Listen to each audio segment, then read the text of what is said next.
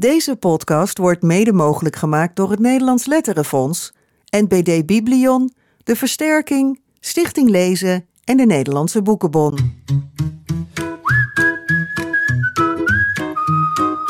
Dit is de Grote Vriendelijke Podcast met Jaap Frieso en Bas Maliepaard. De eerste stemweek van de Grote Vriendelijke 100 zit erop. Ja. Ja, hoe gaat het eigenlijk met de verkiezingen? Volgens mij heel erg goed. Ja? Wat is jouw indruk, Jaap? Ja, het is wel, ik vind het altijd een feest. Het is weer net zo leuk als de afgelopen jaren. Er komt van Heel alles voorbij. en ik zit de hele hè? dag die lijstjes te kijken. Die mensen invullen Ja. en op social media zetten. En ik ben iedereen aan het pushen om te stemmen. Heel goed. Ja. Heeft je moeder al gestemd? Mem? Nee, Heeft Mem al Mem gestemd? niet, maar mijn broer gaat wel stemmen. fijn. en eh, nee, ik heb de hele omgeving probeer ik dan wel. Maar ja, het is gewoon leuk. Het Ja. is, eh, ja, het gaat volgens mij. eh, ja, Goed. Ja, heb, je, heb jij in al die lijstjes nog iets langs zien komen waarvan je dacht... Want daar is het ons natuurlijk om te doen, zeggen we hè, altijd. Van elkaar inspireren met nieuwe boekentips. Ja. Heb je nog Nou, iets langs zien komen? Ja, er zit natuurlijk wel een hele grote algemene deler in van boeken die wij, die ik in ieder geval wel gelezen heb. Ja. Weet je, dus dat is Gelukkig hartstikke maar. leuk. En boeken waarvan ik denk, oh wat leuk dat die erop staat. Maar wat ik het vaakst heb, is dat er dan klassiekers op staan waarvan ik denk, oei, die heb, ik- die heb ik eigenlijk nog nooit gelezen. Die En dat is? Nou, bijvoorbeeld Momo en de Tijdspaarders. Heb jij die nooit nee, gelezen, Die ja? staat ook in de lijst toch iedere keer? Ja, niet? staat al twee- twee jaar in, ja. Nee, dat is dan zo'n boek en dan denk ik ieder jaar weer van, oh die moet ik gaan lezen. Ja. Dat hoort ook gewoon bij mijn werk. Maar ja, er komt ook zoveel nieuws uit, dus dat is dan weer zo'n boek. Ja. Waarvan ja. ik denk, dat moet ik voor volgend jaar gelezen hebben. Nou, ik, ik, moet niet, ik moet jou niet te veel... eh, Heb jij het gelezen? Eh, ik weet het dus gewoon niet Nee. meer. Het zou best goed kunnen dat ik het in mijn jeugd gelezen heb, maar nee. niet dat recent meer. Nee. Dus misschien Nee. moet ik hem ook maar eens inhalen. Ja. En heb jij nog zo'n boek? Nou ja, ik zag nog een boek dat ik eigenlijk wel op mijn lijstje had willen zetten. Waar ik ook serieus over getwijfeld heb. Dus ik was heel blij dat iemand anders het nu gedaan heeft. Zeven minuten na middernacht van Patrick Ja. Ness en Siobhan Dowd. Ja. Dus eh, ja, ik was heel blij dat het langs is. Die komen niet heel vaak. Dus misschien zijn er nu nog mensen die denken... oh ja, Ja. daar kan ik ook nog op stemmen. Ja. Dan komt het er misschien in. Maar misschien doe ik hem volgend jaar wel op mijn lijstje. Ja, leuk. Hey, Ja. En eh, er komen ook nog wat leuke dingen aan. We zijn aanstaande zaterdag met z'n tweeën, Jaap, zijn wij eh, te gast Bij Mieke. bij Mieke van der Wij en Pieter van der Wielen. Nieuwsweekend op Radio 1. Daar mogen we vertellen over de verkiezing. Dus we hopen dan weer ook weer extra veel mensen die hier nog nooit van gehoord hebben, Ja. te enthousiasmeren om te gaan ja, stemmen. want jij was al even op radio op eh, 100% NL. Ja, Ja, en Pia Parol had een verhaal over ons. En eh, nou ja, er gebeurt weer eh, van alles. het maakt veel los. Ja, en die pakjesavond, eh, dan hadden we een hele rare tijd bedacht om de voorverkoop te starten. Half zeven 's Nou ja, ochtends. dat kwam We wisten achteraf ook niet meer waarom. Nou, dat weet Ja. ik wel. Omdat Oh. iedereen eh, aan het klagen was van ja, dan, als straks gaat die pakjesavond in de, in de verkoop, zeg maar, als ik al naar mijn werk ben. Ja, zodat om negen uur 's ochtends. Ja, en toen hadden we eigenlijk prima ervoor kunnen kiezen om het s'avonds te doen. Ja. Maar daar waren we niet Nee, dus ik ging heel vroeg mijn bed uit. Heel kinderboekenland heeft de wekker om half zeven gezet. Ja. Ja, we waren binnen zeven minuten uitverkocht. Hè. Alle 200 200 kaarten waren weg. Daar waren we zelf echt, nou, we wisten niet wat we meemaakten. Nee, zo snel. eh, Nee, en gelukkig hebben we in overleg met het theater nog kunnen opschalen naar 250 plekken. Maar ook die 50 extra kaarten die waren zo weg toen we ze aan de wachtlijst eh, aanboden. ja. Dus het is natuurlijk ongelooflijk leuk dat er zoveel belangstelling is. En, En eh, nou nog even een uitzendingje in elkaar. eh. oh ja, we weten ook gewoon nog niks van die We lijst. weten dus helemaal niet wat we gaan doen. Nee, Nee, dat is altijd wel spannend. Echt, vanaf 5 ja. november kunnen wij pas aan de slag. Dus dus we hebben een heel uitverkocht theater met 250 mensen, maar we weten nog, hebben geen flauw idee wat we gaan Nee, doen. dat hebben volgens mij theatermakers wel eens als ze helemaal voor het seizoen al iets moeten vertellen voor de programmaboekjes Ja. van theater. Dat Ja, is dit gevoel een beetje. Nou, je hebt een titel en je- weet dat je iets gaat doen, maar je weet nog niet wat. Ik voel me helemaal een echte theatermaker. Ja, precies. Maar goed, Ja. voor de mensen die er toch, ondanks die 250 plekken, nog niet bij kunnen zijn, de volgende dag is er de podcast. Ja, en eh, blijf stemmen op die. eh, met die lijstjes, hè. heb je het nog niet gedaan? Je hebt nog twee weken. En aan het eind van deze aflevering hoor je welk boek onze gast van vandaag graag ziet stijgen in de Grote Vriendelijke 100. En welk boek wat haar betreft nieuw mag binnenkomen. En misschien komt haar eigen boek ook wel de lijst binnen. Dat zou niet zo gek zijn, want ze wonnen vlak voor de Kinderboekenweek het Gouden Penseel mee. Het ligt hier op tafel. Het is echt een, eh, een groot boek. Een kleine geschiedenis van de mens door dierenogen. Het is geschreven door Joukje Akveld, maar de bekroonde illustraties zijn van Jenny Villa. En zij is hier. Welkom, Ja, Jenny. dankjewel. Leuk Ja. om er te zijn. Absoluut. Bijna een maand geleden kreeg je te horen dat je het Gouden Penseel Een maand alweer. Wat- Ja, wat- maar het voelt ook nog wel heel kort geleden. Is het een maand geleden Het is een bijna een maand geleden. Ja, ja, ja. ja. Eh, Kun, je, kun je nog even, dat is altijd leuk om van prijswinnaars te horen. Hoe, hoe ging dat? Kun je dat heel, heel even kort meenemen nog? Ja, eh, nou, ik was een expositie op aan het bouwen in, eh, in Arnhem in de loopvisserij. Dus ik was druk eh, bezig met papier snijden en werk uit aan het zoeken. En toen eh, stond daar opeens een grote camera ploeg voor mijn neus met eh, mooie grote gouden ballonnen en een blauwe taart. Nou ja, en toen hoorde ik dat ik het gouden penseel eh, Ja, had gewonnen. ze ging echt eh, overvallen. Want soms word je nog wel eens ergens ingelokt of zo. Maar jij moest daar toch gewoon zijn en ze Ja, waren daar naartoe nou ik moet eerlijk zeggen, ze hadden mij eigenlijk wel gevraagd via de mail of ik nog eh, een school, of ik een schoolbezoek. eh, Ah. ik had wel zo'n uitnodiging gekregen, maar ik was dus allemaal met die expositie bezig. Er Dus ging geen had- belletje rinkelen van, Nee. oh misschien... Nee, ik had gewoon, ik zat zo, ik dacht, oh, ik moet, ik moet bij die expositie zijn. Ik heb het nog heel druk, dus eh, nee, dus ik zat helemaal met mijn hoofd daar en toen stond opeens die, eh, die cameraploeg voor mijn neus. Dus ik was wel een beetje overdonderd. Eh, ja, en toen hebben we meteen thuis natuurlijk het jeugdjournaal gekeken en, en Ja. wie de gouden griffelwinnaar was. En de dag daarna was alweer het. eh, Ben je iedereen de gaan bellen daarna? Eh, ik heb mijn vriend gebeld en mijn ouders. En voor de rest... nee, voor de rest het helemaal, moest ik het helemaal Ja, moest het is natuurlijk. waar, ja, ja. dus, het pas die avond bekend worden. ja, Ja. ja. en daarna toen het jeugdjournaal af, aflevering geweest was... nou, toen ging mijn telefoon wel flink... Ontplofte ja, toen ontplofte alles. Dus eh, en toen dacht ik, oh ja, morgen kinderboekenbal. Dus ja, dat was super feestelijk en, eh, en spannend en overweldigend allemaal. Dus eh, ja, het was een hele feestelijke maand. Nou, dat kan ik me voorstellen. Ja. We hebben even gekeken, want veel winnaars die hebben al een hele carrière achter de rug als ze een gouden penseel winnen. Jij bent nog niet zo heel erg lang bezig. Eigenlijk ben je begonnen toen wij begonnen zijn met de GVP. Dus we Ah, lopen kijk. gelijk op, zo'n Ja. vijf jaar Ook je geleden. eerste lustrum gevierd. je, je was nog net 27, vertelde je net toen je het Gouden Penseel eh, won. Klopt, ja. En we dachten, het is dit jaar een jubileumjaar, hè? 50 jaar Gouden Penseel. Dus we dachten misschien is het wel leuk om even te kijken. Ja, eh, waren er eerder winnaars onder de 30? En eh, met dank aan Richard Thiel, die deze gegevens eh, gepubliceerd heeft op Quk.nl, konden we zien dat eh, Er zijn er even best nog een aantal. Hè? oplopend in leeftijd. Wie was de jongste, Jaap? Lydia Postma, die is, was 24 jaar en dat was in 1976. En die heeft daarna behoorlijk carrière Ja, zeker, gemaakt. zeker. Hè? Er staan Ja. ook wel namen tussen waar, die we nu een beetje Nee, vergeten zijn. Wel, deze, hè? Paul Hulshof. Ja. Die was 25 jaar. In 1975 heeft hij hem gekregen, dus Ja. lang geleden. De volgende kennen we nog steeds heel erg goed. In 1980 kreeg Joko van Leeuwen op 28-jarige leeftijd haar eerste gouden penseel. En in 1979 Tom IJzenbach, die was ook 28. Ja. En daarna, dat is wel grappig, want dit, dit zijn dus allemaal mensen in de jaren 70 en eh, een klein beetje nog jaren 80. Maar daarna is er heel lang zijn er eh, geen mensen onder de 30 geweest die de prijs hebben gewonnen tot 2018. Ja. Ton Toen was won. eh, Ludwig Volpeda. En die Ja. won meteen twee keer achter elkaar. Ja, Ja, dat weet ik nog, dat dat op de schermen van eh Sint-Joost van mijn kunstacademie toen Ah. overal stond. En toen was ik heel enthousiast. Toen dacht ik, wow, die heeft gewoon een gouden penseel ja, gewonnen. ja. Ja, ja, die, was zat bij ook jou op school. 28. zeg maar. Ja, ja, ja, ja. een paar jaar boven mij. Ken je ja. hem ook? eh, Ja, ik heb hem laatst op het kinderboekbal dus even Oh, ja, gesproken. maar ik ben een groot bewonderaar van zijn, eh, van zijn werk. ja. Ja. Ja. en dan nog een hè, in 2014, Florider. Ja, Ja. Die was 29. Ja. Dus jij kan een beetje alle kanten uit daarna. Je, kunt, je kunt over 30 jaar vergeten zijn. Ja. Of heel erg carrière gemaakt ja, hebben. ja. Goed, je had natuurlijk een, een, eh, een zilverpenseel gewonnen in juni. Hè? Dus dan Ja. weet je van, ik ben een van die mensen die kans maakt eh, op het gouden Ja. penseel. Eh, ja, wat, wat was de stemming daar, daarover? Ben je daar dan echt mee bezig in die maanden? Of, eh, Eh, nee, nee, eigenlijk niet. Ik was eh, ja, zo enthousiast. En eh, ja, het, ik vond dat zilver winnen echt zo'n groot cadeau en feest. Dus ik heb dat heel erg gevierd en ook wel erg mijn best gedaan om daar echt zo bij stil te staan van wauw, ik krijg echt die erkenning eh, voor mijn werk. Dus ik wist wel dat goud natuurlijk in oktober bekend eh, werd. Maar ik ben daar in de tussentijd niet, eh, nee, eigenlijk niet Je hebt niet even je kansen geweest. afgewogen, even de andere boeken bekeken en gedacht, Ja, nou, het- maar ik heb wel iets heel bijzonders gemaakt. Nou, ik heb natuurlijk wel de andere boeken ook bekeken. En, eh, nou, toen ja, is het wel ja. toch. Wij dachten allebei van, ja, dat, is, dat kan Nee, niet nee, dat anders. durfde ik echt niet Nee, te dat hopen. kan Die me grote, voorstellen. om in zo'n lijstje te staan met zo'n grote namen en mooie boeken. eh, nee, dat was toch echt een hele grote verrassing. Je zegt net, het lijkt, het lijkt wel alsof het gisteren was. Het voelt nog heel kort geleden dat je hem Ja. kreeg. Kun je toch al iets zeggen over wat het voor jou betekent dat je die, dat gouden penseel hebt gewonnen? Is daar, is daar al iets over te zeggen?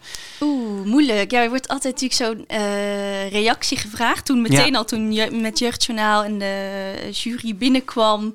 Nou, toen kreeg, had ik er helemaal al geen woorden eigenlijk voor. Om daar dan meteen Maar we hebben je nu een maand de tijd geven. gegeven om erover Ja. na te Ja, denken. dat is waar.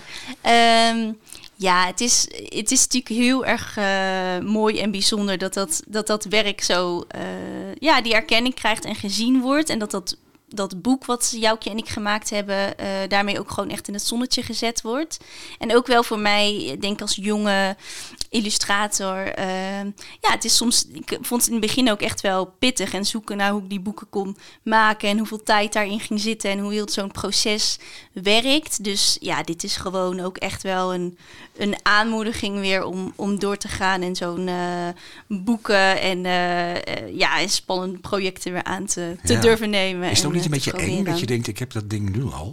Ja, misschien ook wel. Nou, nu met weer nieuwe projecten denk ik wel, oh ja, oh jee, nu eh, ik heb Ja. gewonnen. Hier kom ik nooit meer overheen. ja, nou dat, nou, dat had ik ook wel toen ik dit boek maakte al wel, hoor. Moet ik zeggen van, wow, dit is echt, dit is echt het maximale wat ik op dit moment denk ik ook echt kan Dit maken. boek, ja. Dit boek, dus wat ja. dat betreft past die prijs ook heel erg ja, bij ik vond het boek. wel heel mooi dat ik hem hiervoor kreeg. Want ik vond het echt een pittig boek. Echt een, echt een uitdaging. Ook een hele mooie kans. En dat, dat dus deze illustraties bekroond zijn, eh, ja, vond ik daarom wel extra mooi. Nou, dat zie je dus. Als je op de toppen van je kunnen iets maakt, dan wordt het blijkbaar gezien. Ja. Eh, Ja. En dan Ja. maakt het niet zoveel uit hoe oud je bent. Nee, zeker niet. mooi. Nou ja. Maar goed, je bent dus vijf jaar bezig, maar toch al best veel indrukwekkende dingen gedaan. Want dit is niet het eerste dus wat je maakt. Eh, Jaap, eh, Nee. kun jij het nog even samenvatten? Ja, nou ja, dat indrukwekkende begon al een beetje eigenlijk met, met je studeren. Want je bent afgestudeerd aan wat je al zei, de Sint-Joost-school. Die heet dan de Sint-Joost-school of Art and Design in Breda. Ja, ja. die naam verandert Oké. zo nu Ja, en dan precies, weer. Dus ja. ja, St. St. Just, Ja, St. St. Just School of Art and Design. Afgestudeerd. klopt. Ja, Ja, wat is dat? Was dat, was dat dat in?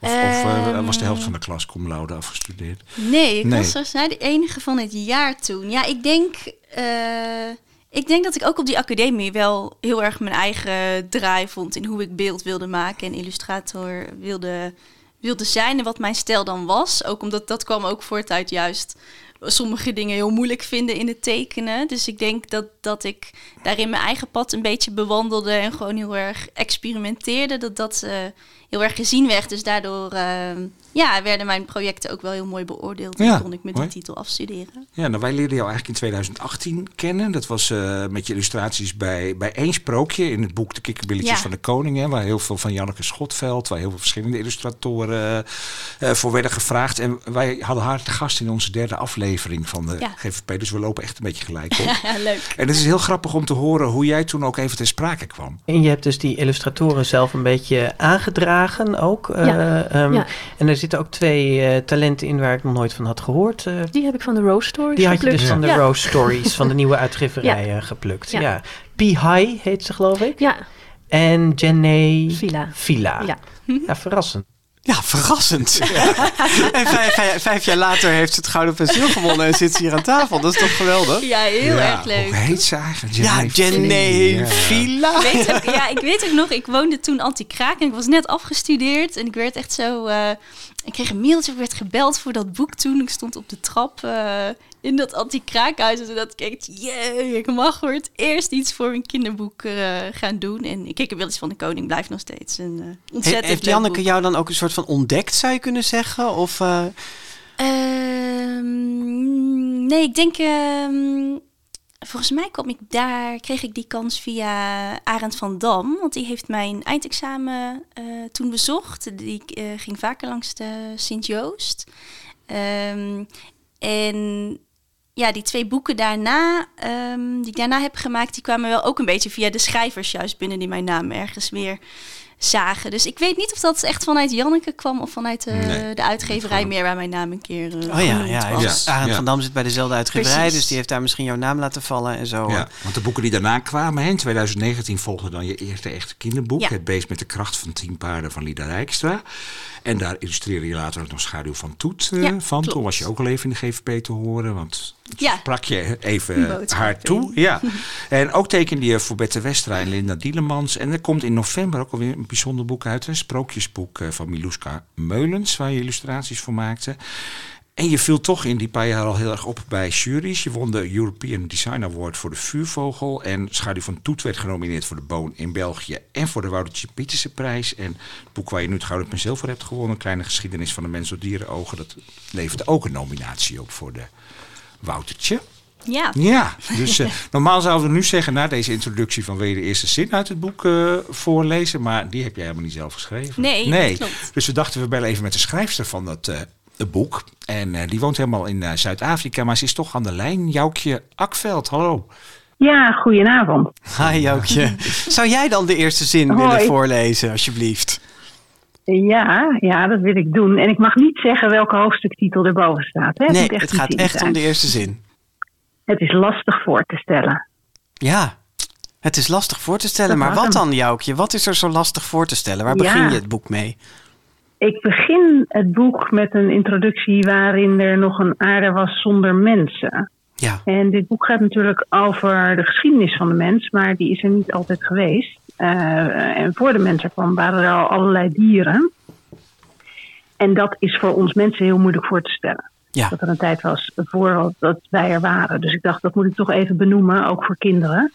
Ehm, dat die tijd er wel is geweest. Dus dat het niet volkomen vanzelfsprekend is dat deze planeet van ons is. Zoals mensen vaak toch een beetje. Ja, dat, dat is zoals we nu denken. Ja, Hè? De mens ik. als, als belangrijkste diersoort helemaal bovenaan de piramide. Precies. Ja. Ja. En wat heb jij daar Ja, dan voor tekening bij gemaakt? Ja, nee? Ehm, ja, ik heb hier eigenlijk eh, dat, ik heb een textuur gebruikt die ook gebruikt is voor het omslag en de schut, eh, schutblad. En ik heb daar al de suggestie gegeven van iets van een wereldbol waar je als silhouet eh, een beetje nieuwsgierig makende onderdelen van dieren ziet en twee kleine mensjes daarbovenop. Ja, en die zijn ook heel nietig ten opzichte van die Ja. grote bol met al die Precies. grote dierensilhouetten al. Hè? Hey, Joukje, wij spraken elkaar vooraf even en toen vertelde je me dat, ehm, ja, dat dit boek een wat andere ontstaansgeschiedenis heeft dan gebruikelijk. Hè? Van wie kwam het idee voor dit boek? Nou, het grappige is dat ehm, boeken ontstaan niet altijd bij een schrijver of een tekenaar. Ehm, er zijn ook uitgevers die zelf ideeën aandragen. En dit boek is daar een voorbeeld van. Ehm, ik had contact met Klaas de Meulenmeester, die redacteur is bij Lonau, over iets heel anders. Ehm, eh, over mijn werk als recensent. En die opperde toen via de mail van... Goh, wij spelen met het idee een boek uit te brengen... eh, over de geschiedenis van mensen... maar dan eh, verteld door de ogen van dieren. Zou dat iets voor jou zijn? En ik moest heel erg een ander boek schrijven. Dus ik zat klaar om te zeggen... nee, ik heb geen tijd. en toen dacht ik... oh nee, je moet altijd even wachten... bij dit soort Ja. belangrijke mailtjes. Even op je in laten werken. Dus ik heb een dagje laten liggen. En toen dacht ik... ja, maar dit is te mooi om te weigeren. Dus toen zei ik, eh, nou, dat klinkt wel heel interessant. En toen ben ik met Klaas in gesprek geraakt, die ik verder eh, als mensen er niet kende voorheen. En dat was direct heel erg inspirerend. Eh, en toen dacht ik, weet je, dat andere boek zat ook min of meer vast. Ik ga hiermee aan de gang. En ehm, eh, toen hebben Klaas en ik met elkaar gesproken wat voor boek dat zou moeten zijn. Hij had eigenlijk al in zijn hoofd dat het in hun serie moest van grote geïllustreerde non-fictie, waar ook ehm Terra, Terra Ultima. Ultima ja. in is Ja, uitgegeven. Ja. de Gouden Penseel van vorig jaar. En ook bijvoorbeeld het eh, grote vogelboek van Bibi de Montag. Ja. En toen was natuurlijk de vraag, omdat in die boeken eh, het evenwicht eh, beeld-tekst ehm, eh, zeker, nou misschien wel doorslaat inderdaad naar het beeld van wie gaat dit illustreren. Want het, het beeld gaat minstens zo belangrijk zijn als de tekst. En daar hebben wij toen leuk met elkaar over gespart, over ideeën aangedragen. En op een gegeven moment kwam er een mail van Klaas. Die zei, Joukje, ik heb twee namen die ik je wil voorleggen. En die ene was van Jenny. En toen zei ik, ja, die dus. Want je kende, je kende haar Zo is werk. het eh, gekomen. ja, je kende haar werk al. Nou ja, ik werk natuurlijk ook als recensent Ja. eh, voor het Parool, dat ik daar kinderboeken bespreek. En ik heb eh, de vuurvogel eh, besproken, die zij, eh, dat door haar is geïllustreerd. En toen was ik al eh, behoorlijk omvergeblazen door haar tekeningen. ja. Dus ik dacht van, jeetje, eh, een meisje zo jong, dat al zo haar eigen handschrift heeft. Wat, uh, wat, wat, wat leuk, wat, wat interessant, wat inspirerend om met zo iemand samen te werken. En Jenny, jij, jij ehm, kreeg die. Boeken... Sorry, ik ga even naar Jenny Joukje, want uh, jij, jij kreeg. Ja, nee, nee, is goed, helemaal goed. Jij kreeg die vraag uh, van: dit plan is er. En, ja. en nou ja, je gaf er straks eigenlijk al aan van: wow, dat was wel een spannend project voor je. Ja. Maar je dacht toch, ik ga dit doen. Ja, Wat zag je erin? Mm, ik vond ja, meteen al dat, dat perspectief om vanuit dierenogen te vertellen, dacht ik meteen, wow, goed bedacht. Dit, uh, dit lijkt me leuk. Um, uh, Joukje vond ik een hele toffe schrijver om mee te mogen werken. Uh, het formaat van het boek dacht ik ook wel, oh ja, die ken ik wel. Die hele grote formaat boeken. Leuk om daar een keer uit te mogen pakken. En ik denk, ik, ja, je maakt mij wel echt ook blij met die non-fictie, geschiedenisthematiek, waar wel ook verbeelding een rol mag spelen. Uh, ja, en dat, dat heeft dit boek, denk ik. Ja. dat schaduw van Toet natuurlijk eigenlijk ook al een beetje, hè, met die oude Klopt. Egyptenaren en dat je je daar helemaal in verdiept uh, hebt. Ja. ja. En, en is het dan ook zo dat er bij jou meteen, als je zo'n onderwerp krijgt, dat er meteen al beelden door je hoofd beginnen te schieten? Of moet je dan ook echt teksten hebben gelezen?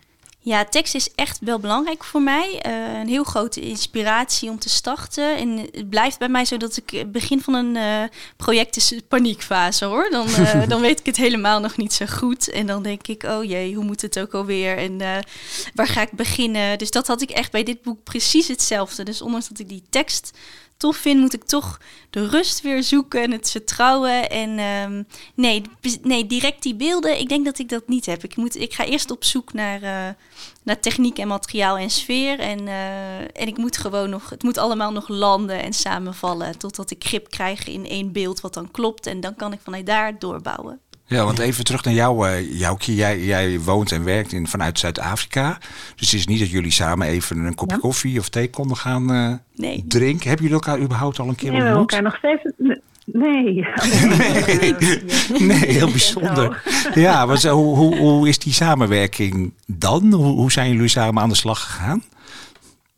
Ja, ik vond hem ongelooflijk prettig. Um, het, het, was een soort driemanschap tussen uh, Klaas, Jenné en mij. En dat was dus ja. België, want Lano zit in België, um, in Nederland en ik in Zuid-Afrika. Internationale samenwerking.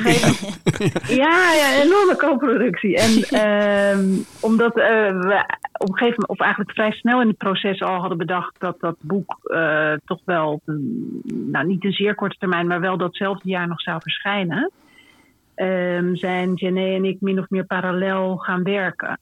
Dus het was niet dat er een afmanuscript lag dat al helemaal door alle redactiefasen was gegaan en dat dat bij Jenny belandde.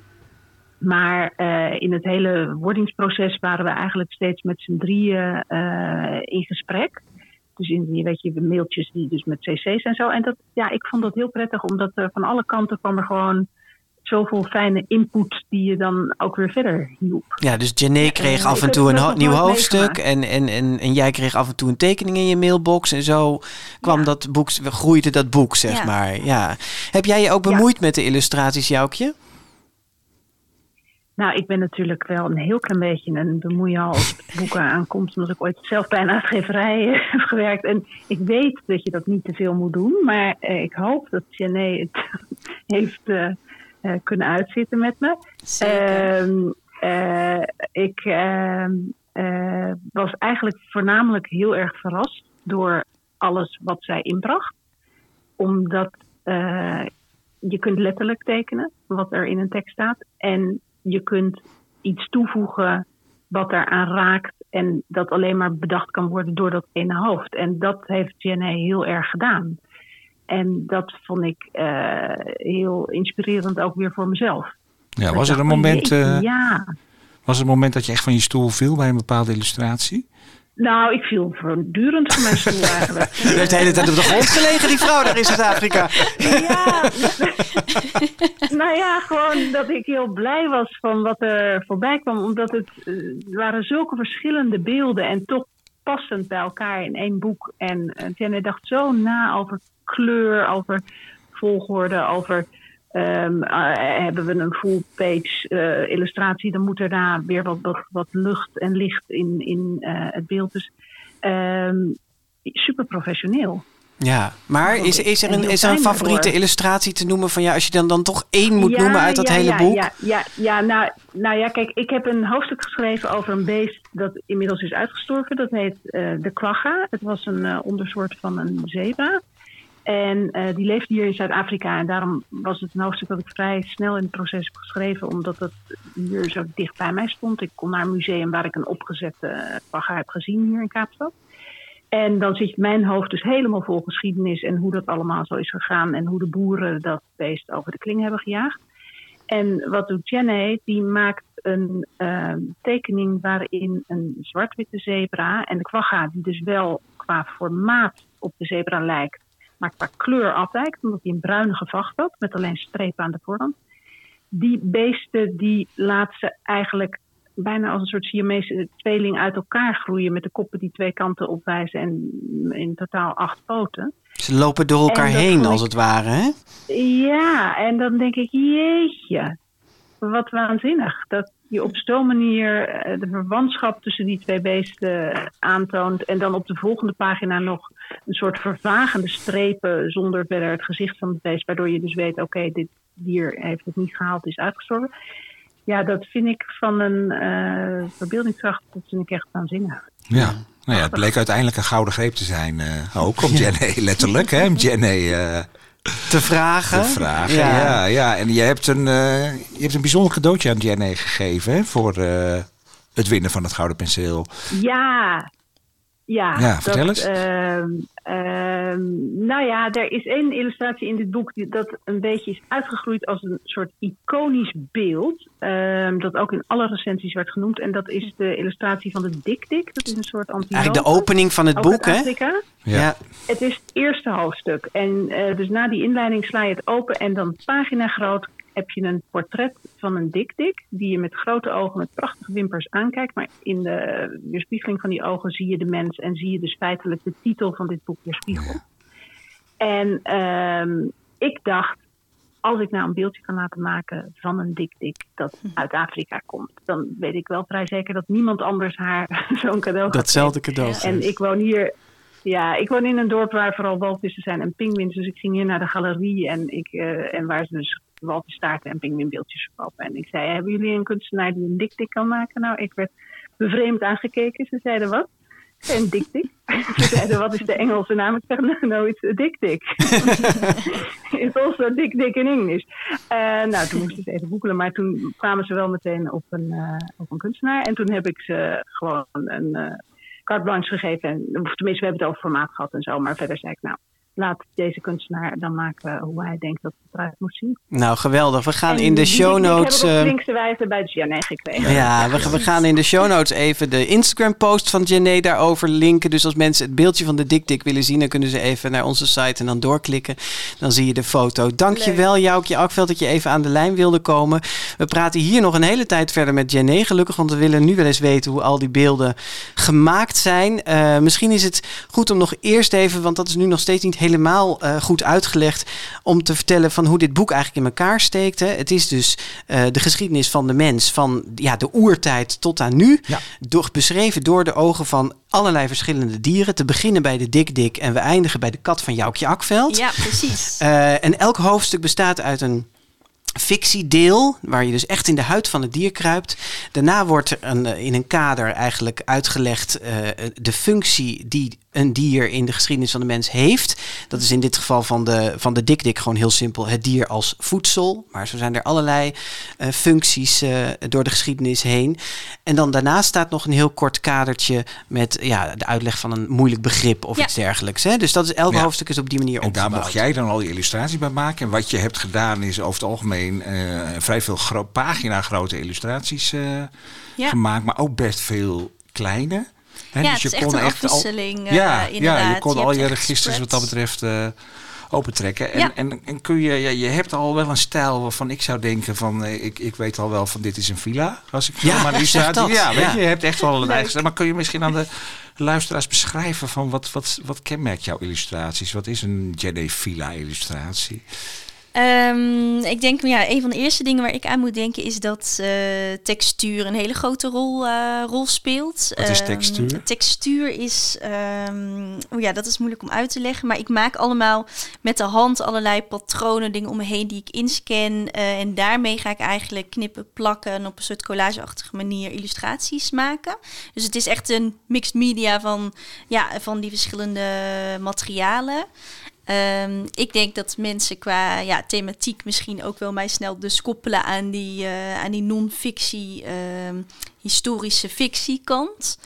Uh, en ik vind ook wel uh, werken met metaforen, poëzie in zo'n beeld, ja, dat, dat vind ik leuk om te doen. Dus dat zit er ook altijd wel in. Ik zou er nog aan willen toevoegen dat je dat het heel sferisch is allemaal. Hè? Ja. Dat je heel, heel erg met, ook met licht. Ja, het licht in, dat zei ik tegen Jaap ook van. Het is Ja. een beetje gefilterd licht altijd op de een of andere manier. Of het nou ja, eh, sch- schemerig eruit ziet. Of een beetje Ja. schaduw, Het schimmenspel. lijkt toch wel of je een beetje uit de fotografie leent wat dat betreft. Waarin licht ook een hele belangrijke... Ja, rol ja speelt. niet, eh, niet direct als Nee. inspiratiebron, eh, maar je kan wel heel mooi spelen. Wel met licht en hoe de kijker, denk ik, kijkt naar een bepaalde illustratie. En dat silhouetten, schaduwen, schimmenspel, dat Ja. is wel een heel grote Ja. inspiratiebron. Ook omdat dat, ja, daar zit iets mysterieus en een verbeeldingskracht waarin je ook als tekenaar niet alles in hoeft te vullen. En iets openlaat voor een lezer, ja, dat vind ik heel fijn in boeken. En dat doe ik dus ook in mijn eigen werk. Ja, en het is gelaagd in, in poëtische zin, zoals je net Ja. zei. Hè? Alleen al dat voorbeeld wat Joukje Akveld net noemde... van die kwagga en die, Ja. en die zebra die door elkaar heen lopen als het ware. Ja. Maar het is ook letterlijk gelaagd. Hè? We lazen ergens dat, je- dat sommige beelden wel uit zo'n 500 lagen of Dat zo klopt. bestaan. Ja. Wat, wat, wat bedoel je daarmee? Wat zijn lagen dan? Ja, lagen zijn. Ik werk. eh, ik heb dus een, eh, een werkwijze waarin ik analoog en digitaal eigenlijk combineer met elkaar. Dus ik maak patronen, ik teken met de hand, ik maak eh, texturen, vlakken. dat staat allemaal op papier. Maar dan ga ik eigenlijk daarna schuiven met die verschillende onderdelen. En dat doe ik dan gedeeltelijk weer digitaal. En daardoor bouw ik echt een beeld op ja, van een achtergrond, voorgrond uit allerlei verschillende laagjes. Dus het zijn letterlijk allemaal die verschillende textuurtjes eigenlijk die over elkaar heen geplakt Maar worden. hoe kom je dan aan 500 laagjes? Ja, omdat dat, eh, ja, omdat elk haartje, als je terug gaat naar die, eh, dat beeld van die dik dik, eh, elk, elke wimper, vlekje, krasje, haartje op zijn kop is gewoon eh, los op papier gezet en weer eh, ja, gespiegeld, gedraaid, opnieuw allemaal samengevoegd. Dus dan, ja, ik zit eh, altijd vrij snel aan de 4 à 500 lagen. Zo. ja. Ja, ja, dus e- één spettertje op zo'n pagina kan al een laag Precies, zijn. Ja, ja, ja. ja, dus ja, zo- toch vind ik niet meteen, want je werkt dus uiteindelijk maak je het af op de computer. Ja, dat ja. Klopt. Ja, maar dat zie je niet heel erg. Nee, het, is, het, het, begint, eh, het begint altijd met de hand. Eh, ook omdat ik daarin ik, spelen en experiment en avontuur is belangrijk als ik teken. Dus dan weet ik nog helemaal niet zo goed wat ik ga tekenen. En dat vind ik heel lekker om echt met materialen om me heen te doen. Of om te kijken wat wil ik eh, gebruiken. Wat gebeurt er als ik eh, deze materialen gebruik. Of deze soort eh, een saté prikken. Of ja, ik werk ook wel eens met hele gekke materialen. gewoon om te zien wat er gebeurt. Ehm, maar daarna ga ik wel zeker naar de computer. En ik denk dat dat een heel belangrijk onderdeel voor mij is. Ik kan heel creatief zijn in de computer. Dus ik zie het echt als een, als een tool. Net als, eh, als mijn eh ecolinepotjes dat zijn. En ik denk dat, dat daar heel veel vrijheid en speelsheid in zit... die ik niet kan bereiken als ik puur op het papier moet blijven en moet schetsen en iets dan in ga kleuren of invul. Bij mij ontstaat er nog heel veel in de computer door dat schuiven. En dan denk ik, hé, hey, hier gebeurt iets spannends of nu komt er een, een interessante compositie uit. En eh, ik denk dat dat een, ja, voor mij in ieder geval een hele fijne manier is om die twee technieken te combineren. Ja, het moet voor in mijn hoofd dan altijd toch een knop om hoor. Als je het dan. eh, Ja. je- nou ja, kijk, als je een, een schildering maakt, dan is dat gewoon. Die kun je in een la leggen of aan de muur hangen of zoiets. Maar wat is dan voor jou het origineel, zeg maar, van, van deze beelden die hier in het boek? Of is het boek Ja. het origineel? Mm, ik denk dat het boek, ja, misschien is het boek eh, ook wel echt eh, een soort origineel eindproductachtig eh, ding. Maar ook wel die, ik heb dus van alles wel materiaalproefjes, losse, ja, losse papieren, dozen vol thuis waar al die texturen op staat. Ehm, Als ik jou eh, vraag, laat het origineel van de diktik zien, dan krijg ik dus een stapel van 20 centimeter papieren. Ja. Ja? Ja, precies. Ja? Ja, dat en, en gewoon de illustratie eh, zoals die opgebouwd is eh, in, de, in de computer. Dus Ja. ja. ja, ik denk echt, en ik zie ook wel, je ziet steeds meer illustratoren, denk ik, die dat ook weer wel omarmen en in hun proces eh, een onderdeel laten zijn. En de- sommige nou, bekende illustratoren gebruiken het als voorstudie om in de computer composities te maken. En als ze denken, nou heb ik iets interessants gevonden, dan ga ik naar het papier en het uitwerken. En anderen gebruiken het meer zoals ik door analoog en digitaal te combineren. En je hebt het volledig eh, ja, digitaal werken. Dus eh, ik denk dat er tegenwoordig veel in mogelijk is en het ook niet Nee. ehm, per se die digitale uitstraling hoeft, eh Nee, maar dat lijkt me ook wel een beetje een risico of een nadeel dat er zoveel mogelijk is. Ja, Want dat het, kan- lijkt, ja. het lijkt ook oneindig. En wanneer, Nee, is, het, wanneer is het dan af? Ik denk dat dat dan toch die intuïtie is waarop je denkt: hé, hey, zo is hij krachtig, hier zit iets spannends, hier, hier gebeurt iets. En als ik het soms ook niet meer zie, dan zet ik een beeld bijvoorbeeld even in zwart-wit, zodat ik puur op compositie kan focussen en even kleur eh, uit kan zetten. Oh ja, dat kan ook alleen maar op de computer. Ja, even, dat- even je beeld in zwart-wit zetten. Ja, ja dat, ik vind dat. eh, ik heb een grote bewondering voor eh, de makers die alles met de hand kunnen maken. Maar ik denk dat eh, de, de makers die digitaal inzetten, eh, dat dat geen techniek is dat. dat ja, minder is of, al- dan, eh, dan het met de hand Nee, maar je eh, kunt dus wel ook daar een eind aan vinden. Want dat, Ja. ja. Ja, ik kan toch op een gegeven moment. eh, omdat, ik denk ook omdat ik wel altijd weet. wat is de sfeer die ik wil bereiken. en wat is eh, de boodschap die ik wil vertellen met een illustratie. En daarin zet ik kleur, compositie, eh, textuur, eh, verhouding in. om te denken wanneer werkt dat en wanneer werkt dat niet. En dan is er toch gevoelsmatig een punt waarop ik denk. ja, zo, zo klopt die. Nu moet ik er niet meer Ja, aan dus eigenlijk is dan het, het verhaal wat je wil vertellen, is je beperking als het ware. Ja. Om te zeggen van oké, tot zover kan ik gaan en dan vertelt het het verhaal nog wel en anders niet meer. Ja, dat ja, denk precies. ik. Ja. We gaan straks even inzoomen op een paar illustraties. Dan wordt het denk ik iets concreter voor, eh, voor mensen. Maar net nog even over dat materiaal. Jouw gereedschapkist, als ik het zo hoor, je, we weten van het boek eh, Schaduw van Toet ook dat je bladgoud inscande Ja. en allemaal dat soort Ja. wonderlijke dingen doe je.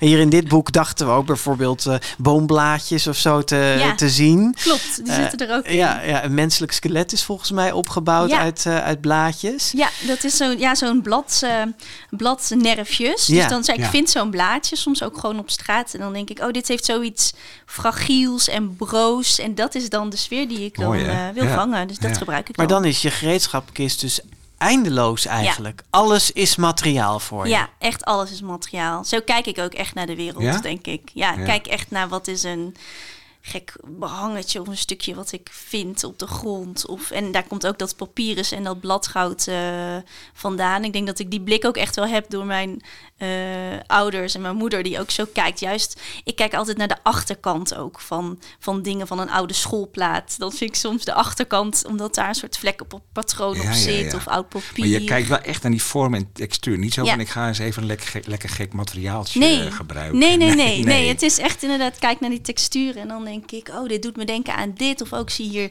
zo'n soort in. Of oh, deze sfeer roept het voor mij op. En als ik dan, eh, ja, als ik dan in een soort verhaal duik en mezelf echt inleef in zo'n tijdsperiode of land. Of eh, dan denk ik, ja, deze, deze kleuren horen daarbij. bij. Ja, want dat is dus ook wat je moet doen als je in de non-fictie actief bent. Dat zag je bij Schaduw van Toet al, dat je je helemaal in die Egyptenaren moest Ja. verdiepen. Maar dit gaat over de prehistorie tot aan nu. Ja. Dus je hebt, je hebt je in heel wat tijdvakken Ja. moeten Nou, zeker. inleven. Dat was het ook echt. Ik, eh, Je hebt overal verstand van, zo langzamerhand. Nou, ik vergeet het ook, weer. Ja? ik vergeet het ook wel weer. Oh, want eh, als ik dan weer met een nieuw project bezig ben... Ja, ik leef wel echt in zo'n boek, denk ik. Ja. Maar ik zoek daar de muziek bij. En ik zit in die Oh, ja? texturen en in die... ja. Dus, Wat was de eh, muziek bij dit boek? Oeh, bij deze, ik denk eh, dat ik ook een paar playlists op heb gezet. Dus per hoofdstuk eh, Ja, dan ja. meer. eh, ja, muziek die dan gebonden is aan zo'n land. Of nou, dat zoiets zoek ik dan, dan maar de, eigenlijk de, op. de research bestaat eh, uit, dus uit muziek, maar uit wat nog meer? Wat is, Google je vooral dingen of over Ehm, encyclopedieën, noem maar op? Ja, dat is best wel breed. Ik vind eh, musea bezoeken, nou bij het Egypte inderdaad heb ik dat dus echt gedaan. Omdat ik dacht, ja, wat zijn, wat zijn de kleuren en de materialen bij het oude Egypte? Dus eh, dan kijk ik wel op die manier. Ehm, nou en hier bij het dierenogenboek zaten ook gewoon dieren waar ik nog nooit van had gehoord. Nee. Dus dan, is, ja, dan begin je natuurlijk ook gewoon met even zo'n dier op het internet eh, zoeken. En ook nou, ook een filmpje bekijken. De, de kakapo, de hele grote, eh, zware papegaai die in het boek zit. Ja, dan, dan is het wel leuk om te zien ook hoe die beweegt en hoe die loopt. Ja. Dat is toch input om vanuit daar te illustreren. Maar ik laat het wel ook weer los. Ik doe research. Ik ehm, probeer wel die achtergrondinfo te zoeken. Maar dan, dan doe ik het ook weer weg. En dan denk ik, oké, nu ga ik door op mijn verbeelding. Omdat ik toch, ja, niet... Het is niet mijn bedoeling geweest om in dit boek alleen maar realistische dierenportretten te tekenen. Ik wilde wel meer doen. Ik wilde associëren en extra lagen toevoegen. Ja, Joukje Akveld die zegt hè, van je voegt iets toe met jouw beelden aan het verhaal. En dat zeg je net zelf ook van het, ik denk na over wat wil ik vertellen. Ja. Dat wordt ook op zo'n manier gezien, hè, Jaap. In, in, Ja, dus jullie van de Woutje Pieterprijs geeft dat bijvoorbeeld. Hè, dat de illustraties van Jenny File maken het boek tot een triomf van vertelkunst. Prachtige zin. Ja, Ja. zo Ja, mooi.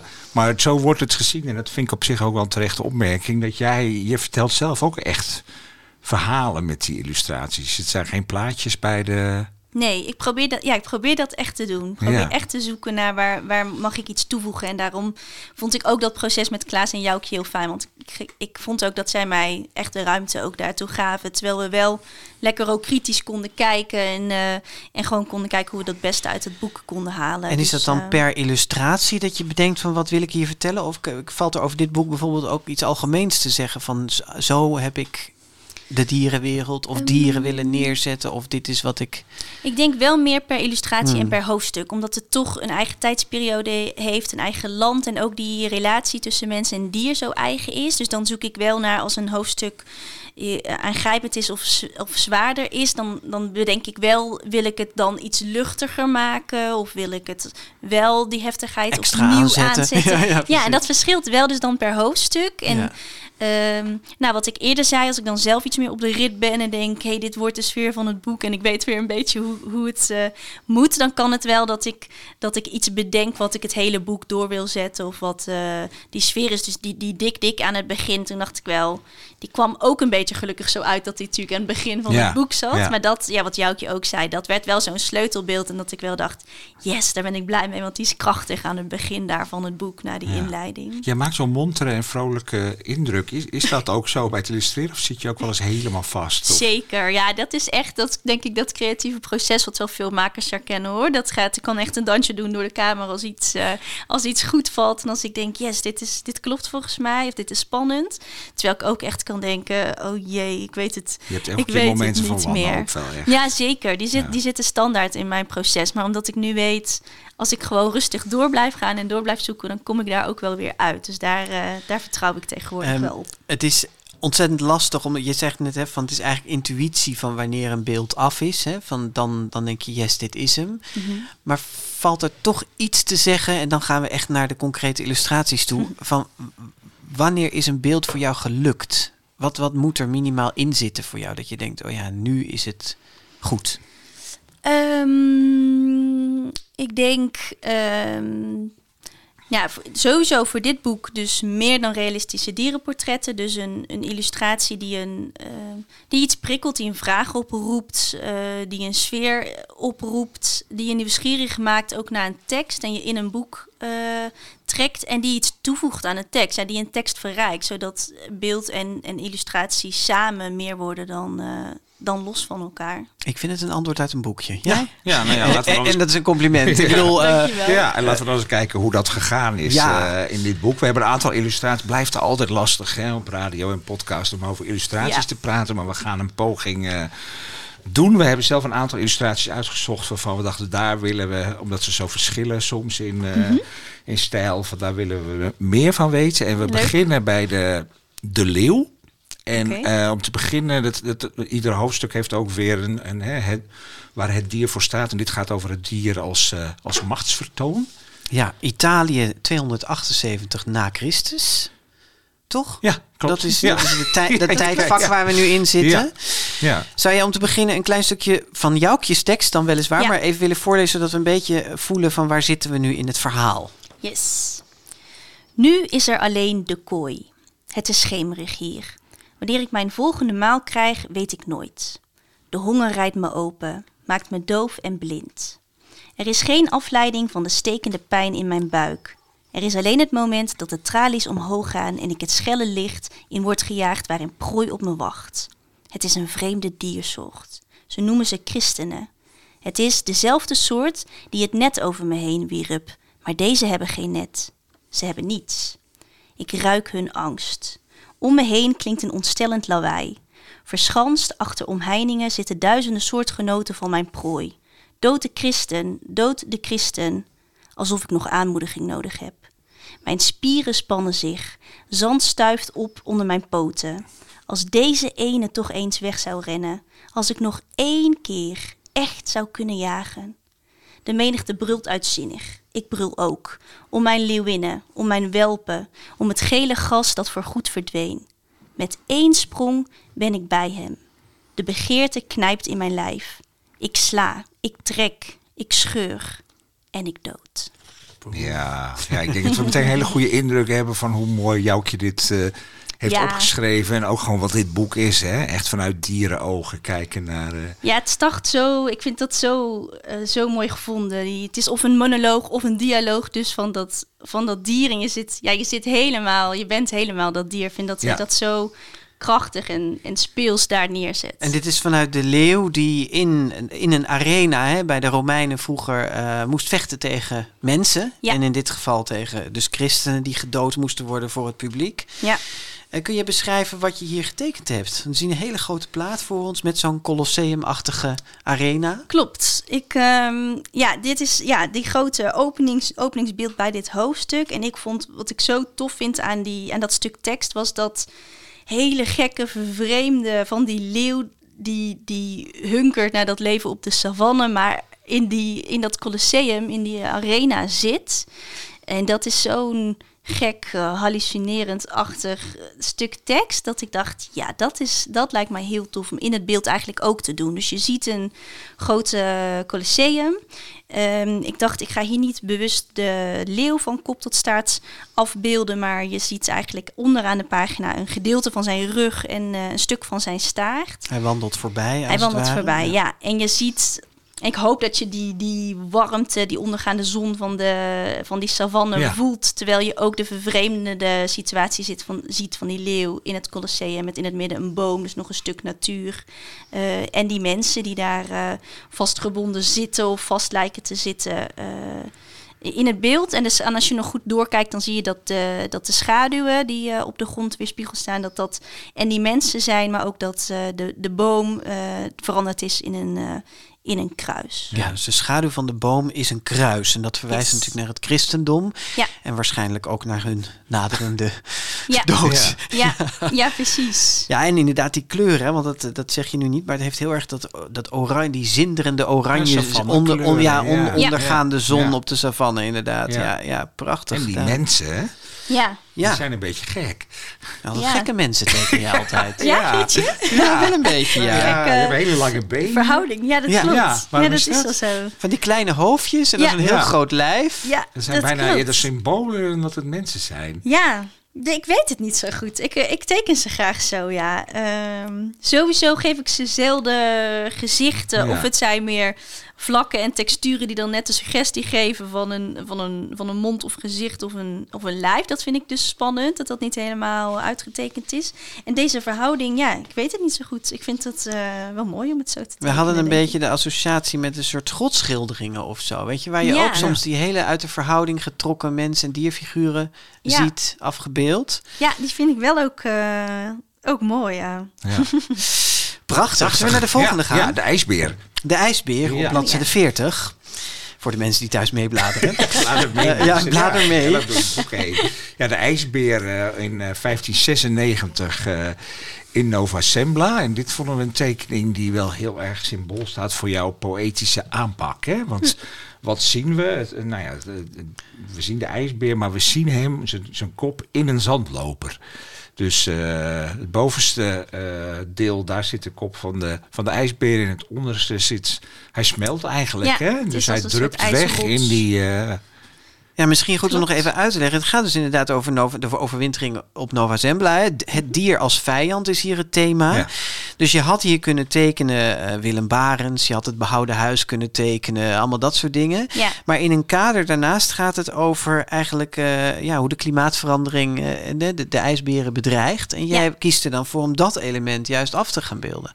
Ja, omdat het daar dus ook, eh, wat daar ook staat, het is het direct gevoel van het menselijk gedrag, die opwarming van de aarde. En dan denk ik, ja, dat, dat vind ik eh, belangrijk om in dit hoofdstuk naar voren te brengen. En ook hier ehm, op sommige bladzijden is wel het volledige dier afgebeeld. Zeker als, als ik er nog nooit van gehoord had, dacht ik, ja, dan, dan vind ik het relevanter om het hele dier af te beelden. Terwijl hier dacht ik, ja, laat ik dat. eh, Wij weten wel hoe een ijsbeer eruit ziet. Precies. Ja. Dus eh, de, daar dacht ik, laat ik die stukken tekst bij elkaar trekken. En dat is eh, ja, uiteindelijk in zo'n illustratie Maar hoe kom je als nou op zo'n idee van een zandloper? Want dat is zo ingenieus bedacht eigenlijk. Hè? Dat gaat over tijd, over... Ja. Mm, weet ik, ik weet nee, het is eigenlijk niet lastig meer. zeggen waar een idee Ja. vandaan komt. Ik, Maar... ik denk wel ook omdat die, tekst, die teksten van Joukje zijn zo rijk. Daar zat zoveel in dat ik gewoon op sommige zinnen kon ik dingen verbinden met elkaar of associaties leggen. Waarin voor mij dan toch zo'n keuze meteen dacht van oké, eh, opwarming van de aarde, daar wil ik iets mee doen. Het gaat inderdaad over tijd. En het zou ook nog kunnen. Maar ik moet dus eerlijk zeggen dat ik dus alweer een beetje ook niet elk hoofdstuk maar even scherp heb. Maar dat hier ook iets in stond over. ehm, over Willem Barends en die verschillende, eh, hoe noem ik dat, zandlopers, dingen die Oh, zij ja. mee hadden. Dat ik dat heb gecombineerd met dan een ja, begrip want het als is ook zo'n ouderwetse zandloper wel. Precies, hè? ja. ja. En hier onderaan de bladzijde zie je nog wel weer even een mooi voorbeeldje van die textuur. Hè? Die, die sneeuw, die, is- je hebt dus eh, die zandloper op links, maar dan rechts een, sneeuw met toch een klein beetje zo'n eh, eh, bootje dat schipbreuk heeft Ja. geleden. En in die sneeuw zie je een soort van krakelee, een soort barstjes. Klopt. En waar komt dit vandaan? Is dit gewoon... Ja, dat is met de hand gemaakt. Dus dat is Oh, geschilderd en dan, en dan kan je dat laten krakeleren. Ehm, eh, ja, dan krijgt het weer zo'n patroon. En dat bootje is hout, dus dat is houtstructuur wat ik dan in heb gescand. En nou, dat is dan weer in al die laagjes over elkaar eh, geplakt. Jongen, jongen. Ja. De volgende, ik ben nu al benieuwd. Ja. Even kijken, nu kwam Ga ik... naar Kom de ik poes van Anne Frank. ja, de poes van Anne Frank. Ja. Of Negen- kat, moordje. Kat, ja. Ja, Yes. moordje. 1942 Nederland. De Tweede Wereldoorlog zit, zit er dus ook in. De grote thema schuwt uh, Joukje Akveld niet. Hè? Nee. Ook de genocide in Rwanda staat er Mhm. bijvoorbeeld in. Uh, maar ja, dit is natuurlijk wel. Dit lijkt me weer op een andere manier heel lastig. Omdat Anne Frank is, is zoveel over getekend Ja. en zoveel over verbeeld. En daar kunnen mensen zich zoveel bij voorstellen. Dus hoe ga je dan nog een beeld maken? Ja, Wat nee, heb je gedaan? eh, dat klopt wel meteen. Ik heb een tekening gehad eh, waarop, ze, waarop ik wel eh, Anne Frank heb getekend. Maar daar ja, kwamen eigenlijk ook wel eh, tot de conclusie van... hm, willen we haar, is het nodig om haar hier af te beelden... of laten we het bij haar kat... eh, die ook dat verhaal herkent, eh, dat verhaal vertelt. Ehm, dus daar heb ik haar zelf, Anne Frank, niet afgebeeld, maar wel dat iconische dagboek van haar. Eh, overigens ook gemaakt uit een stuk papyrus, eh, deze afbeelding. Dat, dat, dat rood geruite dagboek, Ja. hè? Wat, wat echt haar dagboek was Ja. in de oorlog. En ja. dat heb ik, eh, en daar denk ik dan ook meteen, oh mooi als we dat dagboek bijna zo groot als het zelf is af kunnen beelden. Dus vandaar dat het ook niet een klein strooibeeld is eh, geworden, maar de grootte van Nee, de pagina. dagboek. Ja. Je ziet het hele dagboek met het slotje en dat eh, rood, eh, inderdaad geruite boek. Maar ik heb daarin een, eh, een raam eigenlijk uitgeknipt. eh, en daar zie je het silhouet van, van haar kat, van moordje, Moortje. ja. En eh, wapperende gordijnen. Dus eigenlijk eh, het beeld van die kat die daar achtergebleven is. En, eh, en, en haar dagboek, wat we allemaal eh, ja, wel kennen en herkennen. Ja, ik vond het ook weer een prachtig ontroerend Ja, beeld. ja gewoon ook dat zeggen we bij iedere tekening. Maar ja, het is maar gewoon, het is, het is zo, gewoon ja. zo. Ja. Hier hadden we ook een klein voorleesstukje uitgekozen. Ja, dat is toch even, wel mooi om ja, dit even maar. te horen. Ik vind het ook zo mooi geschreven. ging het zo. Ze vertrokken in te dikke kleren. Het was zomer. Niet dat het heet was, er stroomde de hele dag een warme regen, maar die kleren waren te dik. Ik was in haar kamer toen ze zich aankleedde. Twee hemdjes, drie broeken, een jurk, daarover nog een rok. Ik probeerde haar kopjes te geven, maar ze duwde me weg en zei dat ze moest opschieten. De laatste tijd waren er dingen uit huis verdwenen. Kleding, eten, meubels. Nu verdwenen ze zelf. Alleen zij tilde me nog één keer op, alsof ze me nooit meer wilde loslaten. Toen liepen ze de straat uit en keken niet om. Ik dacht dat ze vanzelf zouden terugkomen. Ze gingen zo vaak weg en altijd kwamen ze terug. Hoe kon ik weten dat het dit keer anders was? Ja, hartverscheurend. Ja. Ja, en op de volgende pagina heb je dan Moortje weer getekend. Dan zit ze op een, of hij denk ik, is zit op een paar koffers. Eh, zij volgens mij, Ja. ik niet zeker, maar eh, ja, zit op die, op die koffers. Die, eh, en ook in die koffers, ik denk doordat, eh, ja, met eh, texturen en kleuren kan je daar ook, denk ik, dat gevoel, je kan het gevoel in zo'n koffer tekenen. Is dat een nieuwe koffer? Is dat een, een, een oudere koffer? Wat voor verhaal te- vertelt zo'n textuur of zo'n object al? Dus daar, eh, daar probeer ik dan wel al naar te kijken ook. Ja. En eh, je zegt net, ik heb Anne Frank niet getekend. Hè? Ja. Misschien ook omdat zij zo'n iconische figuur he- Mhm. is. Heeft dat een hele andere lading misschien weer meteen. Maar je tekent sowieso weinig mensen eigenlijk. Hè? Het is, en als je ze tekent, dan is het een beetje als silhouet. Ja. Of op de achtergrond. Of als schaduw. Of zo. Klopt. Waarom heb je daarvoor gekozen? Ehm, ik heb, ik denk zelfs dat we eerst echt alleen op dieren zaten. En dat ik toen toch dacht, ik wil, ik wil af en toe die mens toch wel graag weer geven. Omdat het ook echt over die relatie mens en dier gaat. Eh, maar ik denk dat dat ook een beetje voorkomt uit een soort persoonlijke smaak om ze dan silhouetachtiger te tekenen. Omdat ik ook denk dat daar wel de verbeelding dus in kan zitten en het niet nodig is om, om emoties te tekenen met eh, specifiek een gezicht of een traan. Ik, ik, teken, ik vang meer emoties liever door, door kleur en, en eh, textuur te gebruiken. Eh, dus af en toe komt die mens wel terug, maar dan ook meer. Ik hoop dat ik de mensen heb weergegeven, ook gewoon als algemeen de mens. En Ja, de, ja. de dieren zijn meer apart, elk hoofdstuk hun eigen, Ja. eigen verhaal en, Ja. en identiteit. De dieren zijn wel meestal dieren, hè? Niet, je je Ja. vermenselijkt ze niet, behalve één illustratie viel ons op. Ja? illustratie van de reuzenpanda's. Want Ja. dan zitten ze gezellig met z'n allen in een bootje. Nou, ik, weet niet, ik weet niet alles van panda's, maar ik denk niet dat ze heel vaak op zondagmiddag met z'n allen in een roeibootje gaan. de, de koala die peddelt er En de lekker onderdoor. koala die Peddelt dan. Ja. Ja. dus dat is bijna een soort koddig plaatje. Klopt. Ja, hè? Nou, dat is ook omdat je toch. ehm, ik denk ook wel na eh, over een boek in gewoon hoe volgen hoofdstukken elkaar op. En wanneer als je veel toch grote dieren Ja, hebt gezien, ja. dan wil ik landschappen of zo'n colosseum, dan wil ik iets architectonisch. En hier had ik dan juist dat ik dacht, oké, in die ontzettend aangrijpende hoofdstukken ook die ertussen zitten, Ja. wil ik, ik heb Even ik ook gezellig. behoefte aan een rustiger Ja. beeld. Even een lolletje tussen. Een lolletje, ja. Het is een Ja. beetje humoristisch, terwijl Ja. het ook, ook dat de hoofdstuk heeft iets, iets scheidends natuurlijk. Ja, Ehm, zeker. maar het beeld wilde ik dan inderdaad ja, iets vervreemdend, iets, iets humoristisch. En inderdaad, die panda heeft... Ik vond die panda overigens wel moeilijk om te tekenen, want die Ja? is... Ja, die heeft toch iets zachts en knuffeligs. En, en eh, ik teken dus inderdaad eh, iets sneller van die iets schielerig, schielerige, langwerpige eh, figuren. Dus ik moest heel wel even zoeken naar hoe krijg ik die, dat zachte en lievige in dat, Ja. In dat beeld. Maar vandaar dat bootje, dat ik dacht... eh, Ja, en dat koalaatje dan dat dan aan het roer eh, ja, zit. Ja, zullen wij allebei nog even onze favoriete illustratie, of in elk geval één van onze favoriete illustraties eh, vertellen? Ja. En dan Oh, een leuk, ben beetje- benieuwd. Ja. Wat was dat ook alweer? Nou ja, voor mij, Oh. ja, jij had dat Javaans schubdier opgeschreven. oh ja, ja, ja. Ja. En ik, eh, ja, dat, dat zal Ja, voor jou geen verrassing zijn, ja. want dat heb ik ook in mijn recensie volgens mij geschreven. Dat Hmm, was ja. die, die orka uit Free Willy, Keiko, die op, eh, eerst teken je hem, dat hij echt zoals in de film over zo'n wal in zee springt. En de bladzijde verderop, op bladzijde 76 die, voor de mensen thuis, dan, dan teken je die orka waarin die helemaal gekneveld is eigenlijk door de scheerlijnen van circustenten. Dus er staan, staan op zijn rug staan twee circustenten eh, met twee kleine zijtentjes nog. En al die scheerlijnen die, ja, die verhouden eigenlijk de orka daaronder gevangen. En dit is het thema de, het dier als wereldster, hè? dus als entertainment voor de mens. Ik vond het een prachtig beeld. dankjewel. We- weet je nog hoe je daar opkwam op dit idee? Ik geloof dat ik dit beeld als eerste of tweede illustratie Oh. heb, heb gemaakt. Ehm, ja, het dier als wereldster. Nou, ik vond gewoon die kop al dat je denkt, oh, daar zie je, als je die leest, zie je daar iets anders, anders bij. En ik wilde daar juist dan dus een beeld maken wat meteen een beetje schuurt of eh Ja. waarvan je denkt, huh.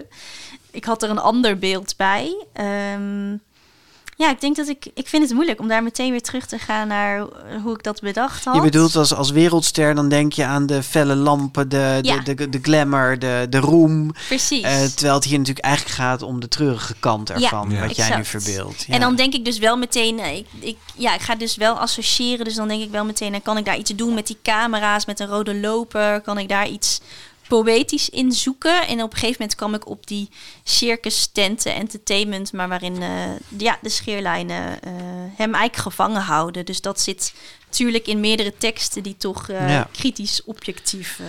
ja, Zeker. Het is bijna een cartoon, zat ik te denken. Je zou hem zo beetje, in de krant kunnen zetten. maar wel heel geladen. Ja, zeker. En nou jij met ja, dat Javaanse schubdier, hè? Niet dat dat een dier is waar ik nou regelmatig over nadenk, maar... Elke week heb jij het wel een keer over een Javaanse schubdier, ja. Nee, maar dat is wel zo'n illustratie die we... Ja, misschien moet je hem zelf ook even beschrijven, maar het is een roestige wereld uh, die je hebt getekend met allemaal kooien. Klopt. En ik neem aan dat hier weer allemaal... Het dier als ziekteverspreider. Het, het gaat over de coronapandemie. Ja. Ja. Ja. je ziet inderdaad dat roestige is uh, precies dan zo'n sfeer en kleurenpalet waarvan ik denk uh, dat dat komt in dit hoofdstuk. Um, je ziet allerlei uh, kooien met verschillende soorten ja, verschillende soort structuren, kooien op elkaar. En dan zie je silhouetten van dieren in. Zijn het van netjes gemaakt? Ja, dit is dus een, uh, volgens mij een is een soort knoflooknetje wat ik ergens in mijn ah. la heb liggen. Ja. En andere zijn met, uh, met monoprint gemaakt. Dus dan uh, druk je eigenlijk met je balpen op een stuk uh, inkt. En dan druk je eigenlijk door het papier heen en dan kan je je blad eraf halen. En dan krijg je dus een beetje van die, ja, ik vind een beetje van die groezelige lijntjes. Uh, die vond ik daarbij passen. Dus ik heb dat gecombineerd met die knoflook netjes. Ongelooflijk. Knoflook, knoflook netje. Daar heb ik nou echt nog nooit gedacht. Ja. Want het ziet er dus inderdaad uit als zo'n zo'n veemarkt ergens in Azië of zo. Met, met allemaal roestige kooien. Ja, en zo goed getroffen dat het een beetje dat dystopische gevoel heeft ja. meteen. Ja. Ik, weet je, wat, je, uh, ja, wat natuurlijk bij die pandemie ook hoort. Ja. En dat uitsterven. En, dat, uh, en je ziet toch een soort silhouetten van mensen ook weer. Ja, je, je ziet daarachter iets van mensen, schimmenspel inderdaad. En ook die dieren blijven eigenlijk onduidelijk. Um, dus dat zijn ook alleen maar silhouetten. Maar dit is ook echt ja. vol op die sfeer dat je er toch een beetje een... Uh, ja, een lastig gevoel bij. Ja, en wat ik daar knap aan vind is wel, want er is een aantal illustraties, zo'n dik dik, denk meteen die wil ik in de, in de kamer hebben hangen. Hè? Gewoon een heel fijne, mooie illustratie. En deze zou ik niet zo snel in de nee, kamer hangen. dat snap ik. Nee, dat nee snap maar ik. ze passen wel uitstekend in. Ja. Ik vind ze ook mooi, maar het roept inderdaad een hele andere sfeer. Uh, ja, ik vind dat ook, zo leuk aan kinderboeken. Eigenlijk, het is niet uh, kunst gemaakt puur om esthetisch te zijn natuurlijk. Het is echt, uh, elke hoofdstuk heeft zo iets anders wat gewoon ja, heel rijk is om te mogen tekenen en te mogen verbeelden. We hadden ongeveer bijna alle illustraties uit het boek op deze manier kunnen bespreken. Ja, ja, uh, maar dat gaan we niet doen. We hebben namelijk ook nog een parel. We hebben nog een laatste zin. Um, maar, maar ik vind het wel heel fijn om even te horen nog van wat uh, je hebt nu dus in die vijf jaar heel wat boeken neergezet die, uh, die opvallen. Uh, vooral inderdaad in de historisch non-fictie-achtige sfeer. Wat, wat, hoe zie jij de komende jaren voor je? Wat, wat, wat zijn dingen die je nog heel graag zou willen? Misschien iets heel anders dan dit? Of ga je gewoon op deze manier door? Um, ik heb er nog niet heel erg goed over nagedacht. Ook omdat er zo... Uh, ja, er is zoveel me afgekomen afgelopen maand. Dus ja, ik, je hebt ook al 50 jaar het moet, ja, het moet nog een beetje landen ook. Maar um, nou, wat ik zei, het is sowieso een hele mooie aanmoediging... om gewoon weer, ja, weer al mijn liefde en tijd en zorg in een nieuw boek te mogen uh, steken. En ik ben ook bezig met, een, met illustraties voor een museum. Ik vind het ook nog steeds leuk om te illustreren... soms buiten het medium van een kinderboek. Omdat dat... Um, ja, bijvoorbeeld heel groot kan op een muur of in een tentoonstelling waar je ook weer een verhaal vertelt en waarin je denk ik ook non-fictie en verbeelding kan combineren. Dus, uh, maar je bent wel echt kinderboekillustrator van beroep? Ja. ja. ja was, dat ja, ook, was dat ook het idee waarmee je naar die Sint-Joost Academie ging? Uh, toen nog niet. Toen vond ik eigenlijk alles leuk en wist ik, het, uh, wist ik echt nog niet zo goed welke stroming ik wilde, wilde kiezen. Uh, toen ben ik, heb ik illustratie gekozen en heb ik eigenlijk echt gezocht naar dus die eigen stijl en werkwijze wat, wat voor mij uh, werkte. En toen heb ik een uitwisseling gedaan in, in België. En daar ontmoette ik Carl Kneut, illustrator. en toen dacht ik, oh kinderboeken, daar kan je daar kan je zoveel mee en fantasie. Dus dat was echt mijn aller, allergrootste droom toen is ik hij ook studeerde. Een, is hij ook een inspiratiebron geweest? Want als je het werk van Karel Kneut kent, dan is dat ook heel... Hij werkt heel anders dan jij, ja. maar het is ook heel, heel veel lagig. Heel veel met structuur. Ja, heel veel klopt. met... Ja, het is bijzonder. Ja. Nee, zeker wel. Ja, en ook hoe hij, ook weer hoe hij over composities nadenkt. En hij schildert alles met inderdaad zo'n haarfijn kwastje. Terwijl ik wel grover werk, ook wel met, met vlakken. Maar dus het is wel ergens is artistieke maar, familie van elkaar. Ja, die beelden. zeker. Ik ja. bewonder zijn werk eh, heel erg. Ja, hij is een heel grote inspiratiebron geweest. Echt op inhoud van beeld, maar ook op... hey, het, het- dit is een beroep. Je kan dit, eh, je kan dit leuk. worden. Ja, ja. Het eerstvolgende wat nu komt is een sprookjesboek van Miluska Meulens. Yes. Je stuurde ons al even een sneak preview ja. van de beelden. Zagen er ook weer heel magisch uit. Dus eh, daar kijken we zeer eh, naar ja, die uit. komt er ook. eh. Joukje Akveld die heeft al opgehangen, dus we gaan aan jou... eh, dat was trouwens de bedoeling ook hoor. Niet dat ze dit niet interessant vond, dit gesprek. Er niks. Ja, dit, dit ken ik al, dit verhaal. Ik hang op. Nee. Eh, maar goed, eh, dus we gaan jou wel vragen om de laatste zin straks voor te lezen. Het is een echte non-fictiezin die misschien niet helemaal... eh, Maar het is de laatste Ja, het is de laatste zin. Ja. Die staat niet helemaal voor haar sprankelende taal. Maar goed, we gaan er straks naar luisteren. Eerst dit. grote parel. Ja, want we hebben jou gevraagd, eh, niet alleen maar gevraagd een parel mee te nemen. Van ik trouwens dacht die parel al van Karel Kneuten had ik zonder dat ik Ja. eigenlijk dit verhaal wist. En ik dacht dat is vast een. Karel Ja. Kneutje. Ja, maar Lida Dijkstra had eh, het geheim van de keel van de nachtegaal al op de lijst ja. gezet. Ja. Maar we hebben jou trouwens ook gevraagd om, eh, wat we aan meer mensen hebben gevraagd, om een, een, een- even naar die grote vriendelijke 100 te kijken. En een, een, een nieuw boek daar eh, aan toe te voegen, wat jij graag wilt dat er opkomt, daarover zo. Maar ook een stijger te bepalen. En welk boek wil jij heel graag dat hoger in de lijst komt? Ja, heel graag eh, hele verhalen voor een halve soldaat. Eh, van Benny Lindelauf en Ludwig Volbeda. Ik heb eh, dat boek in mijn kast staan. Ik vind het echt een prachtig boek qua taal, qua beeld. En ik ben heel erg fan ook van eh, Ludwig Volbeda en alles wat hij, eh, hij maakt. Dus die mag zeker stijgen. Plek 71 stond hij eh, Ja. afgelopen jaar. Waar moet hij heen wat jou betreft? Ehm, dan eh, zet ik hem op eh, plek 50. Kijk, 50. kijk, Wordt ja. precies halverwege Ja, de en lijst. dan is het voor volgend jaar ook nog een beetje anders. ja. En dan eh, je parel en je nieuwe binnenkomer, die vallen samen. Wat Ja. zet jij op onze parelplank en wat moet dus ook wat jou betreft dit jaar binnenkomen in de lijst? Nou, een heel dierbaar boek voor mij. Het is eh, Doodgewoon van Bette Westra en Sylvia Weven. Eh, ik heb het boek gekregen van mijn eh, oma ooit, die het eh, altijd leuk eerst zelf las. En dan zei het is een heel goed, eh, goed, eh, goed boek. Dus het is mijn heel dierbaar eh, boek. En ik vind ja, het een prachtig boek. Het hoort daar gewoon eh, thuis, omdat ik vind het, het thema heel erg mooi. Afscheid, de dood, troost. Gedichten hè, zijn het voor wie het niet kent. Ja. Ja, ja. Ehm, de vorm is heel interessant. Ik vind het heel leuk dat ze iets hebben gedaan met eigenlijk de, de vorm van het boek, waarin eh, pagina's eh, voor de helft soms afgesneden zijn. Lijkt me ook dus een erg leuke uitdaging voor Sylvia Wever geweest. Want ja, een tekening staat dus half op een pagina en dan sla je die halve pagina weer door. En dan moet je dus met één stuk van de tekening iets nieuws weer Ja. bedenken. Ja, Ja. dat, is, eh, dat heeft zij ontzettend ingenieus gedaan. En het Ja. is krachtig getekend. En eh, Bette kan geweldig schrijven om zo'n eh, beladen onderwerp toch heel lichtvoetig en van alle kanten te belichten. Ja, nou ja, ik hoop ook. Volgens mij stond het op mijn allereerste lijstje van de. Nou, sterker nog, het stond in 2021 Ja, in de in de eerste lijst, ja. Oh, Grote Vriendelijke Ja, 100 stond het erin gestaan, maar Oh, het is ja, er vorig jaar uitgevallen. Hij mag terug. op van mij, hoor. 77 stond hij, maar eh, viel er dus vorig jaar uit inderdaad. Maar goed, het is een het overladen met prijzen ook. Hè? Ja. Het de Woutertje Mm. Pietersprijs, de Gouden Griffel, een vlag en wimpel voor de illustraties. eh was eigenlijk te minnetjes, vond ik, een vlag en wimpel voor zulke mooie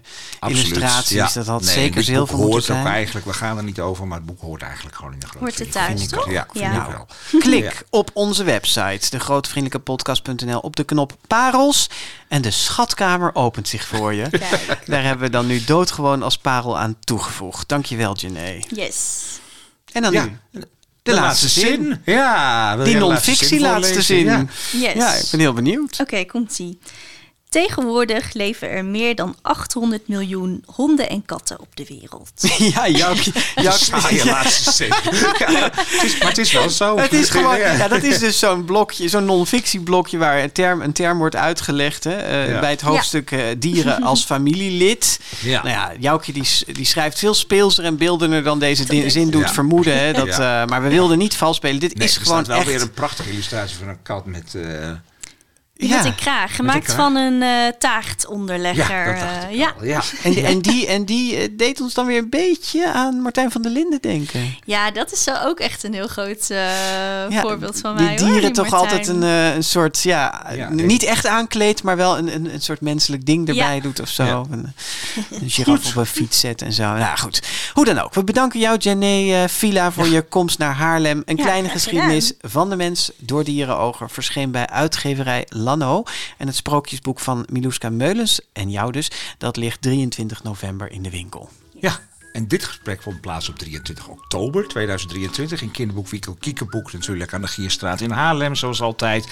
Met ook zoals altijd de onmisbare technische hulp van Mark Brouwer.